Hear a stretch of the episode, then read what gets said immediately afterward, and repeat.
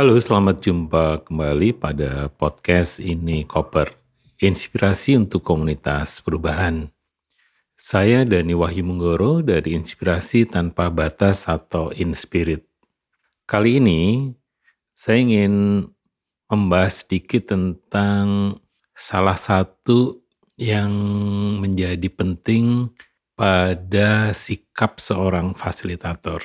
Kita belajar ada empat sikap ya yang penting dipegang oleh seorang fasilitator. Yang pertama sebenarnya adalah apa yang sering disebut sebagai minat. Nah, minat ini menjadi penting pada saat kita ingin menjadi seorang fasilitator. Terutama minat untuk membantu orang lain. Minat untuk membuat orang lain lebih keren dari kita. Minat supaya organisasi lain lebih keren dari kita itu yang menjadi penting sebenarnya di dalam peran kita atau sikap kita sebagai seorang fasilitator. Jadi di sini yang paling penting adalah bertanya kepada diri sendiri, apakah saya suka atau tidak suka pada sesuatu yang kita ingin kerjakan. Jadi sama juga kalau kita ingin menjadi seorang fasilitator, paling tidak bertanya apakah saya suka untuk membantu orang lain lebih keren? Apakah saya suka membuat organisasi lebih keren? Organisasi lain tentunya.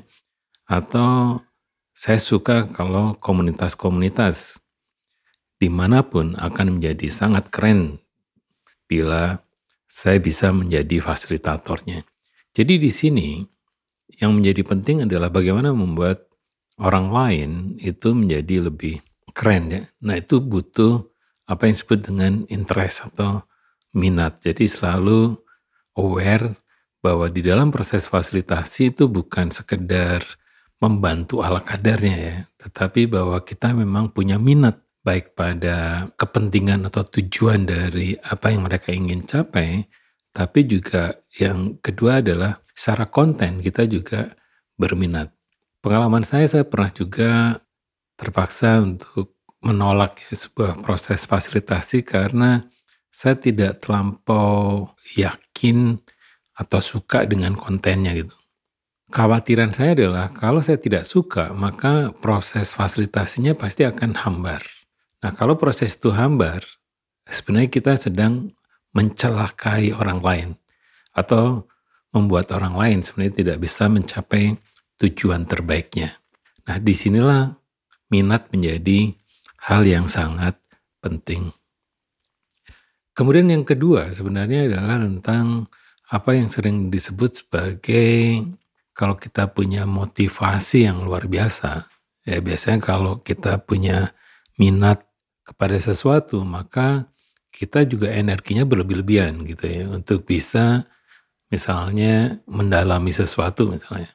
Seperti misalnya saya suka dengan teknologi internet atau teknologi virtual conference, maka saya mau tidak mau mencoba mengeksplorasi apa pun yang kaitannya dengan virtual meeting itu.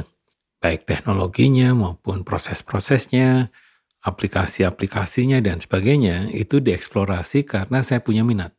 Kalau minat itu kemudian melahirkan motivasi, maka di sinilah yang menjadi sangat penting. Seorang fasilitator pada gilirannya kan kita bukan penasehat, bukan konsultan, bukan expert. Kita sebenarnya adalah kawan, ya, kawan belajar. Kawan untuk bisa mencapai tujuannya dengan membantu ya semua proses itu dengan pertanyaan atau kalau memang stuck kita buatkan alat bantu dan sebagainya supaya pertemuan-pertemuan itu bisa menghasilkan sesuatu yang luar biasa. Kalau minat ini bisa membangkitkan motivasi, maka motivasi inilah yang membuat kita positif tanpa syarat pada kelompok-kelompok yang kita ingin bantu. Ya, jadi kalau kita punya minat ya pada seseorang, kemudian kita juga punya motivasi untuk bertemu, untuk ngobrol, untuk melakukan apa pun, pada akhirnya sebenarnya kita juga akan punya memahami orang itu dan pada gilirannya sebenarnya kita akan mempunyai sikap positif tanpa syarat. Nah, sikap positif tanpa syarat ini itu akibat dari interaksi. akibat dari kita memahami cara mereka berpikir, cara mereka bersikap, apa yang sebenarnya dirasakan. Nah, di sinilah yang sering disebut di dalam proses fasilitasi. Kalau kita ingin membantu kelompok itu, toh kita tidak punya apa-apa, maka kita harus percaya pada kelompok itu untuk mencapai tujuannya. Nah, percaya dan positifnya itu tanpa syarat.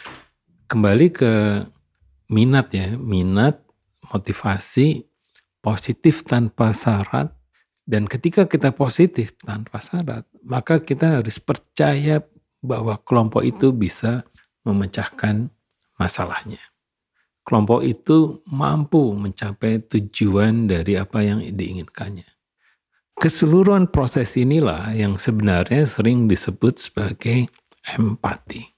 Jadi empati berbeda dengan simpati. Kalau simpati ya kita merasa kasihan saja gitu merasa bahwa kasihan ya orang itu seperti ini atau kasihan ya orang itu terpuruk tetapi kita tidak melakukan apa-apa kita hanya bercerita kepada orang lain bahwa saya kasihan dengan orang itu tapi di dalam proses empati kita berada di sepatunya orang itu jadi kita setiap memberikan pertanyaan, menciptakan alat bantu dan sebagainya, selalu berpikir dari sisi peserta, dari sisi orang yang sedang kita bantu. Nah, dengan cara itulah yang sebenarnya kita mau tidak mau, empati ini harus kita asah untuk bisa merasakan orang lain. Kenapa di dalam proses fasilitasi sering disebut bahwa pada proses fasilitasi sebenarnya yang terjadi adalah bagaimana membangun koneksi-koneksi antar peserta. Koneksi-koneksi yang yang genuine inilah yang kemudian akan melahirkan tadi empati, tapi pada proses fasilitasi yang lebih dalam sering disebut sebagai compassionate.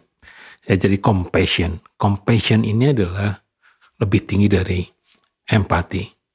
Kita boleh jadi sebenarnya melakukan apa yang mereka lakukan kita matching dengan apa yang sedang dirasakan oleh peserta. Energi kita sama, suara kita sama, nafas kita sama, tubuh kita boleh jadi juga sama. Di dalam membangun interaksi yang matching tadi.